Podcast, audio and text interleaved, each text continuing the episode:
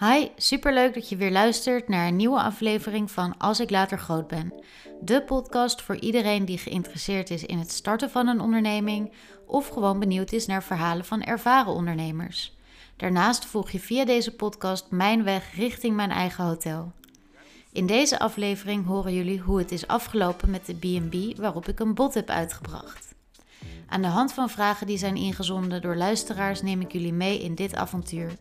Veel plezier met luisteren naar deze nieuwe aflevering van Als ik later groot ben.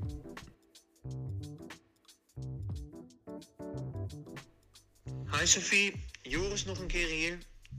Ik ben heel erg benieuwd. Je hebt je eerste bezichtiging gehad. Ik kan me voorstellen dat er dan enorm veel op je afkomt. Dat er allerlei dingen zijn, allerlei facetten waarop je let. Als je nu terugkijkt, wat zou je zeggen dat je daarvan hebt geleerd? Hey Joris. Ja, klopt. Inderdaad, het was mijn eerste bezichtiging uh, ooit eigenlijk, voor een bedrijf dan. En daar heb ik heel veel van geleerd, gelukkig. Um, ten eerste gewoon hoe zo'n bezichtiging gaat. Daarvan had ik al geen idee. En wat ik daarvan heb geleerd is dat je je helemaal niet zo druk hoeft te maken als dat ik in het begin deed. Ik was echt best wel zenuwachtig, zoals ik in de vorige aflevering al aangaf. Maar dat is nergens voor nodig, want ik had een beetje het gevoel dat je je heel erg moest gaan bewijzen en uh, je veel stoerder moest voordoen dan, uh, dan dat je was om toch een beetje ja, zakelijk over te komen daar. Um, maar eigenlijk merkte ik gelijk al dat dat helemaal niet het geval is. Je kon, ik kon gewoon heel erg mezelf zijn. Um, ja, eerlijke de vragen stellen eh, die ik me gewoon echt afvroeg. Dingen waar ik onzeker over was. En um, ja, dan loopt het eigenlijk allemaal wel los. Dus dat, dat is iets wat ik al wel geleerd heb. Um, de vragen die je moet stellen. Nou, ik had natuurlijk wat vragen opgeschreven in een notitieboekje. Um, achteraf gezien waren er een paar van die vragen echt volledig overbodig. Maar die had ik gewoon opgeschreven omdat Google uh, mij dat vertelde. En uh, er, er, ontbraken ook wel nog een paar vragen. Dus die heb ik nu toegevoegd aan mijn, uh, aan mijn vragenlijstje. Um, wat ik ook heb geleerd is ja, welke stukken je moet opvragen eigenlijk van de eigenaren van het pand. er zijn gewoon een aantal dingen die je wil inzien, cijfers, uh, nou, bijvoorbeeld de balans, uh, een inventarislijst, want je betaalt natuurlijk een bedrag voor de inventaris, maar dan wil je wel precies weten wat er dan, uh, wat er dan in zit. En ook de kwaliteit van die producten. Dus wanneer is dit aangeschaft, zit er nog garantie op, dat soort dingen. Um, wat ik ook heb geleerd is dat de verkopende partij nou ja, dat was in ieder geval in dit geval redelijk gehaast is met de verkoop. En ik merkte dat ik me dus ook een beetje liet ophaasten. Uh, ze wilden graag snel weten wat je beslissing was. En snel dan die volgende bezichtiging en snel dat bod. Um, dat is in principe prima, maar voor mij was dat allemaal nog een beetje ja, chaos. Want ik wilde heel graag nog met verschillende mensen erover praten en gewoon rustig hierin een beslissing nemen. En ik kreeg niet helemaal het gevoel dat daar heel veel tijd voor was. Um, ja, ergens snap ik hun natuurlijk ook wel. Het zijn gekke tijden. Uh, ze hebben een hartstikke duur pand waar op dit moment geen geld wordt verdiend. Dus ja, ik snap ook wel dat ze er zo snel mogelijk iemand in willen. En wat ik ook zelf heel fijn vond, was om er met uh, meerdere mensen over te praten. En dat kunnen gewoon vriendinnen zijn, uh, familie of, nou ja, bij wijze van je buurman of buurvrouw. Um, of echt mensen die al bijvoorbeeld een hotel hebben of een bedrijf hebben. Want dat geeft je gewoon nieuwe inzichten en dan ga je weer anders over uh, bepaalde zaken denken. Um, ja, ik heb echt veel goede adviezen gekregen van heel veel mensen om me heen. Dus dat is wel iets wat ik zeker wil meenemen. Hey Sophie, Rowanne hier. Ik heb ook nog een vraag voor je. Um, in je vorige podcast vertelde je dat je een bod hebt gedaan. Als uh, eerst ben ik natuurlijk heel erg benieuwd hoe dit is afgelopen. Um, ja, of je dit hebt gekocht of niet. Of wat voor constructie dit is. Hey Ro, dankjewel voor je vraag. Ja, um, ik zal het niet, uh, niet tot het einde rekken, want ik vind het zelf altijd heel vervelend als de cliffhanger te lang duurt. Nou, ik zal eerst even uitleggen hoe het vanaf die eerste bezichtiging verder is gegaan. Ik uh, moest uiteraard.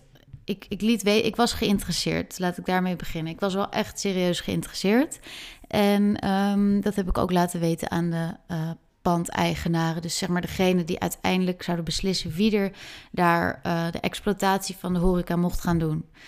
Um, Nou, zij vroegen van, goh, kan je dan een beetje laten zien wat je plannen dan zijn uh, hier in Gemert? Nou, natuurlijk kan ik dat. Dus toen heb ik een Zoom-meeting met hun uh, gehouden. Uh, die duurde uiteindelijk echt drie uur. En daarin heb ik gewoon de plannen gepresenteerd, het concept wat ik daar voor ogen had. Uh, daarbij gebruikte ik moodboards, een kostenberekening en ja, gewoon een hele conceptpresentatie eigenlijk. Nou, dat ging hartstikke goed. En ik vond het ook heel erg leuk om te doen. Dus dat, dat, ja, dat heb ik dan ook weer geleerd. Nou, na die presentatie gaven de uh, pandeigenaren ook aan dat ze het zouden zien zitten. Dat ze erg enthousiast waren over de presentatie en over het concept. Um, en uh, naar aanleiding van die presentatie hebben we dus een tweede bezichtiging ingepland. Um, in de tussentijd, tussen die eerste en die tweede bezichtiging, of eigenlijk tussen die presentatie en die tweede bezichtiging, heb ik met een aantal mensen gesproken. Ik heb bijvoorbeeld gesproken met Arthur, die kennen jullie misschien nog wel uit de eerste serie, um, eigenaar van uh, en oprichter van Abratie, de bruidsieraden. Hij heeft voor mij eventjes meegekeken naar de cijfers en uh, hij gaf ook raad van, goh, je kan onderhandelen in dit, je kan dat van ze vragen, je kan dit eisen. Nou, dat vond ik al heel erg fijn om dat te horen van iemand die daar ervaring mee heeft. Um, wat hij ook deed, was, hij gaf een hele goede tip, vond ik. En hij zei, vraag gewoon of je daar eens een keer mag gaan logeren. Want dan heb je krijg je de hele ervaring. Dan, dan voel je hoe het is om daar te zijn. Um, is er geluidsoverlast? Bij wijze van hoe slaapt het daar? Hoe is het gevoel? Nou, dat vond ik ook wel een hele goede tip. Daar had ik zelf eigenlijk nog niet over nagedacht. Tenminste, niet erover nagedacht dat je dat soort van kan eisen in dit proces. Nou, verder heb ik natuurlijk ook heel veel met vriendinnen gepraat. Lekker onder het genot van een wijntje, gebrainstormd. Um, leuke ideeën uitgewisseld. Uh, het concept verder uitgedacht. Uh, en natuurlijk ook mijn, uh, mijn angsten uitgesproken, want ja, die waren er uiteraard nog steeds. Ik heb gesproken met iemand die ja, eigenlijk heel goed is met cijfers. Zij heeft alle financiën van het bedrijf doorgespit en daar allerlei formules op losgelaten. En uh, toen heeft ze een lijstje vragen samengesteld voor me die ik dan nog moest stellen aan de eigenaren. Dingen die belangrijk waren om nog wel te weten. En ook nog een aantal ja, stukken die ik nog moest opvragen die nog ontbraken in, uh, in het document eigenlijk wat ik tot nu toe had opgebouwd. Nou, daarnaast heb ik ook nog gesproken met een uh, hoteleigenaar. Iemand die dus al een hotel heeft en dus echt ook ervaring heeft met zo'n overname. En uh, daar heb ik ook heel veel van geleerd. Maar wat me het meest is bijgebleven is dat hij zei: er komt nog meer op de markt. Zeg maar, pin je niet vast op dit project. Het is een super mooi pand. Ik snap dat als je er naar kijkt, dat je er gelijk verliefd op bent. Uh, en dat je allerlei mogelijkheden ziet. Maar uh, sta je daar niet blind op. En ja, dat, dat is wel iets voor mij om nogal snel te doen. Dus dat vond ik wel even een hele goede tip. Um, en die heb ik absoluut meegenomen. Nou, en om dan echt terug te komen op jouw vraag, Ro, heb ik het gekocht? Ik heb dus dat eerste bod uitgebracht. Dat, uh, wat ik in de vorige aflevering al vertelde, een heel laag bod. Um, daarop heb ik een tegenbod gekregen. En ja, toen moest ik natuurlijk gaan nadenken om daar dan weer een tegenbod op te gaan doen. En ik merkte aan mezelf dat ik uh, toch echt nog veel twijfels had. Namelijk over wat me vanaf het begin af aan eigenlijk al ja, dwars zat, of, of tenminste dwars zat, wat ik aan het begin af aan al moeilijk vond aan dit bedrijf, is dat het een heel erg groot restaurant heeft. En dat is eigenlijk nooit mijn intentie geweest om ook nog eens een restaurant erbij te gaan runnen. Um, tuurlijk is het leuk als je een, uh, een boutique hotel hebt met een klein restaurant, maar dan moet het wel in verhouding zijn. En dit was voor mijn gevoel gewoon niet in verhouding. Het waren vijf kamers. En het restaurant had uh, op een mooie dag, zeg maar op een zonnige dag, plek voor uh, 140 man. Ja, dat, dat is gewoon, was voor mij niet helemaal in verhouding. Dus um, kan ik een tromgeroffel toevoegen? Even kijken. Nou, dat zoek ik even uit voor de volgende keer. Um, maar nee, ik heb het niet gekocht. Um, ik heb uh, besloten dat dit het niet was voor mij. Het is een te groot project. En ik vond het heel moeilijk. Ik ben er ook echt wel een soort van verdrietig van geweest. Ja, het was geen makkelijke keuze om te maken, want ergens zei mijn gevoel heel erg dat, dit, dat ik dit moest gaan doen. Dus het was heel tegenstrijdig. Uiteindelijk uh, besloten om het niet te doen en daar heb ik me nu bij neergelegd. En nu ga ik gewoon verder, verder op zoek. Hoe kijk je tegen de markt aan gezien deze coronacrisis? Hey Carlijn. Nou, ik kijk eigenlijk zowel positief als negatief ehm, tegen de markt aan ten tijde van deze coronacrisis.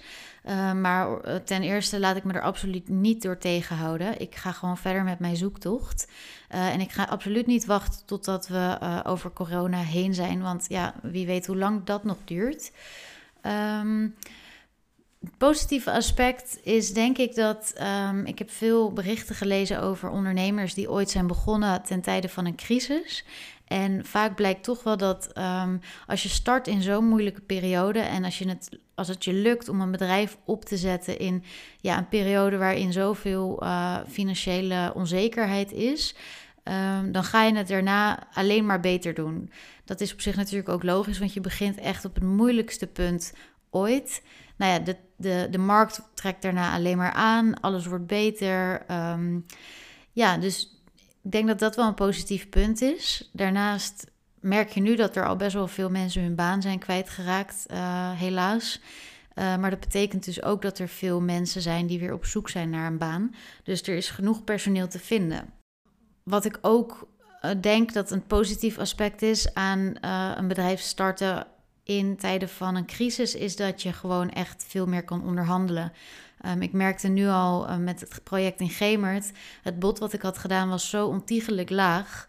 Dat was eigenlijk te belachelijk voor woorden. En het tegenbod wat ik kreeg, uh, impliceerde eigenlijk dat ze het niet eens een heel slecht bod vonden. Tuurlijk, ze hebben echt nog wel geprobeerd wat dingetjes te verhogen. Um, maar met veel aspecten waren ze het er eigenlijk wel heel erg mee eens. Dus ik denk dat dat een groot voordeel is van een bedrijf starten in een, uh, in een crisis. Nou, de negatieve aspecten zijn natuurlijk dat. Um, ten eerste had ik gedacht dat heel veel bedrijven zouden omvallen. Um, vooral horeca, omdat die natuurlijk moesten sluiten als uh, een van de weinigen. Maar nu heb ik laatst ook gelezen in een artikel uh, van een horecamakelaar dat dat helemaal niet het geval is.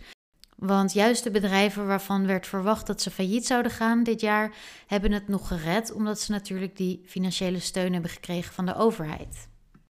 Nou, en wat daarnaast nog een uh, negatief uh, punt is, is dat geen enkele bank op dit moment, zoals ik het heb begrepen, uh, bereid is om een lening te geven aan een ondernemer. er wordt duidelijk gezegd dat de voorrang gaat naar ondernemers, al bestaande ondernemers, die het moeilijk hebben. Wat natuurlijk op zich ook heel erg logisch is, maar dat maakt het dus wel moeilijk om um, aan een lening te kunnen komen. En het laatste punt waarvan ik denk dat het je gaat benadelen om te starten in tijden van een crisis, um, is dat de markt gewoon heel erg onzeker is. En helemaal de horeca. Niemand heeft enig idee wanneer de horeca weer echt open mag en volledig mag gaan draaien. Dus ja, dat zou gewoon heel erg spannend zijn. Um, ja, je, het kan zo zijn dat je iets opent en dat je vervolgens het eerste half jaar dicht moet. Nou ja, dat is natuurlijk, dat, dat is bijna niet te doen, denk ik. Of je moet heel veel geld uh, achter de hand hebben. Maar ik denk dat dat voor, bijna niemand haalbaar is. Dus dat, daar moet je absoluut rekening mee houden. En dat doe ik uiteraard ook.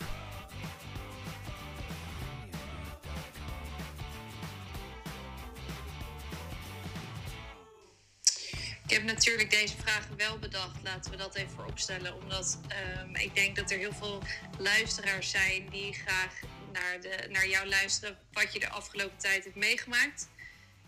Um, wat er heeft gespeeld. Waar sta je nu? Um, dus mijn volgende vraag, vragen, want ik denk dat het goed is om die twee bij elkaar te gooien, is: wat waren je hoogtepunten, maar ook de dieptepunten in de afgelopen periode? Tell us.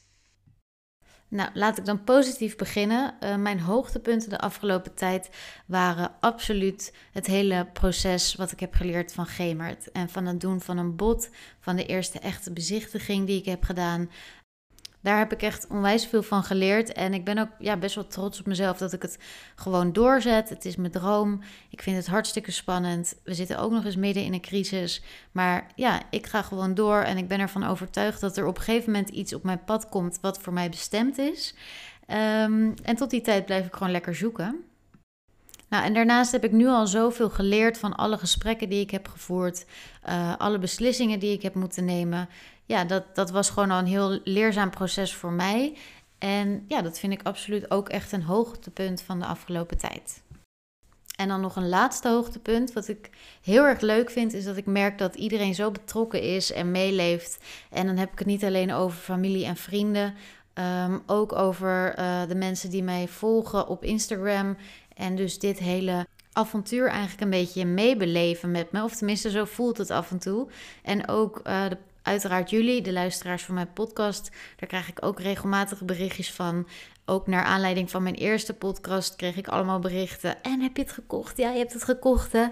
Um, oh, dan ga ik er boeken. Ik ga er slapen. Superleuk. Nou, dat is natuurlijk super tof om te horen dat, uh, stel dat ik het wel had gekocht, dat jullie in ieder geval van plan waren om een keer langs te komen en ook uh, enthousiast het hele proces wilden gaan volgen. Dus dat is zeker uh, een van de grootste hoogtepunten.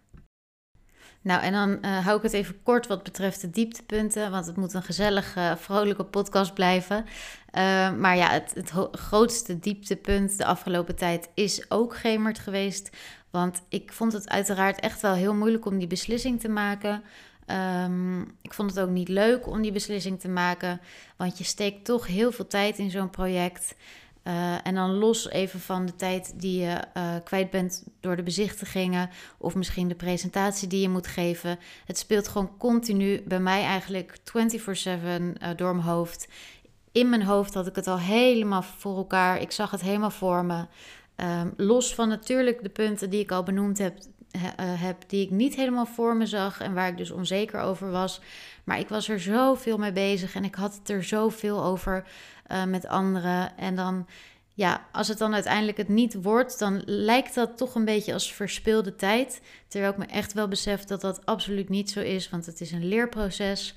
Maar ja, ik dacht wel, jemig, waar heb ik nou al die tijd aan besteed? Allemaal voor niks. Um, ik denk dat dat dan toch een van de grootste dieptepunten is geweest. En zelfs dat kan ik eigenlijk niet echt een dieptepunt noemen.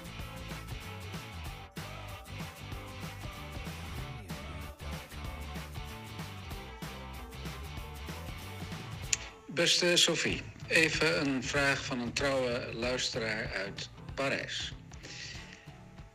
Hoe bepaal je of het hotel op een goede locatie staat? Ik snap dat als, er een, als je een hotel begint hier met uitzicht op de Eiffeltoren, dan ben je het hele jaar wel vol, denk ik. Maar nu noem je Gemert, dat ken ik zelf niet. Dus hoe bepaal je nou of de locatie, want dat is alles denk ik voor een goed hotel, of de locatie goed is? Dat er voldoende mensen komen die um, voldoende interessante dingen in de omgeving vinden. Nou, ik uh, wens je veel succes. Oh my god, mijn podcast begint echt groot te worden. Ik heb zelfs onbekende luisteraars vanuit Parijs. Uh, nee, grapje. Oké, dit is gewoon mijn vader en die is op bezoek bij mijn zus. Die woont in Parijs. Jammer, ik dacht ik ga even heel cool doen, maar ik kan niet liegen. Um, pap, bedankt voor je vraag. Een hele goede vraag en ook eentje waar ik zelf nog vaak over nadenk.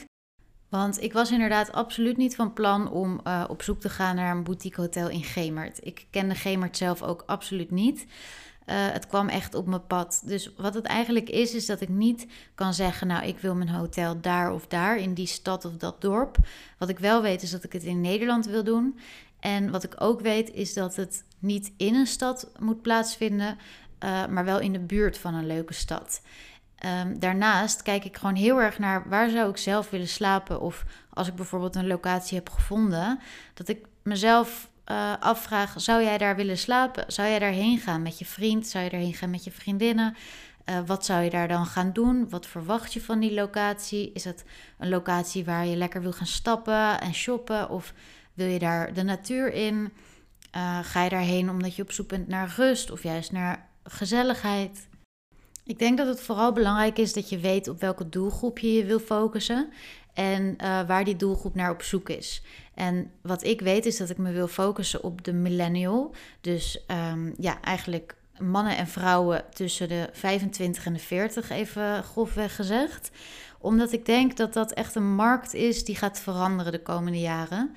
Eh, als ik naar mezelf kijk, ik ben ook een uh, millennial uiteraard. En ik weet dat ik vroeger meer de behoefte had om echt de stedentrips te doen. Maar eigenlijk heb ik die drang al jaren niet meer. En dat komt niet alleen door de coronacrisis omdat of omdat ik gewoon ouder word en saaier of burgerlijker. Nee, dat is gewoon echt omdat ik denk dat ik steeds meer het besef heb gekregen. En ik denk dus uh, de mede, mijn mede-millennials ook. Dat Nederland ook gewoon heel erg mooi kan zijn. En dat je niet altijd uh, onwijs ver hoeft te vliegen om op vakantie te gaan.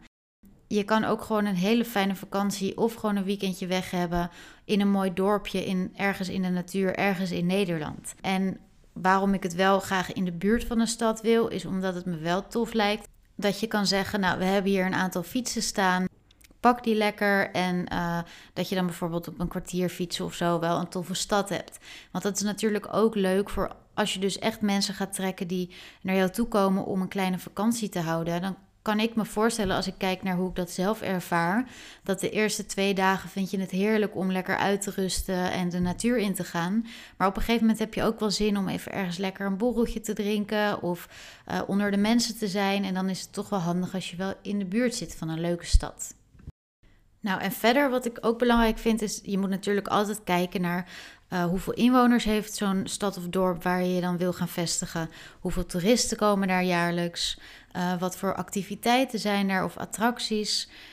Um, zo zijn er natuurlijk wel een aantal punten die je echt goed moet onderzoeken. En ik snap inderdaad dat als je je hotel tegenover de Eiffeltoren hebt, dan hoef je eigenlijk niet zo heel veel verkeer te doen. Um, en alsnog trek je waarschijnlijk heel veel gasten elk jaar. Maar dat is absoluut niet hoe ik het voor me zie. Ik wil echt uh, bekend staan om goede service, persoonlijke aandacht. Uh, en niet van, goh, we hebben zo'n prachtig uitzicht. Maar eigenlijk worden we behandeld als een, uh, als een dwel. Of hoe noem je dat? Een voetveeg. Ik weet niet of je dat zo noemt. Maar je snapt wat ik bedoel. Dus heel makkelijk om tegenover de Eiffeltoren te zitten. Maar dat is absoluut niet wat, mij, wat ik ambieer.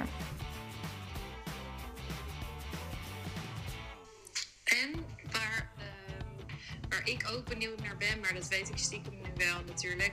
Omdat we gewoon best wel veel uh, gesprek hebben gehad. Ik ben met jou mee geweest naar een bezichtiging in Gemert. Um, de allereerste keer. En ik weet wel deze info, maar ik denk dat het leuk is voor de luisteraars om te weten waar jij uh, je hotelinspiratie vandaan haalt. Um, welke stijl jij leuk vindt en Um, hoe bedenk je dit? Is dit aan de hand van magazines, online, um, je omgeving waar je inspiratie aan uithaalt? Ik ben gewoon wel benieuwd eigenlijk. Want um, ik weet wel een beetje wat je stijl is, maar ik denk dat het goed is om te omschrijven waar jij je inspiratie vandaan haalt. Nou, dit waren mijn vragen. Viel best mee, toch? Doei! Nou, dat viel absoluut mee.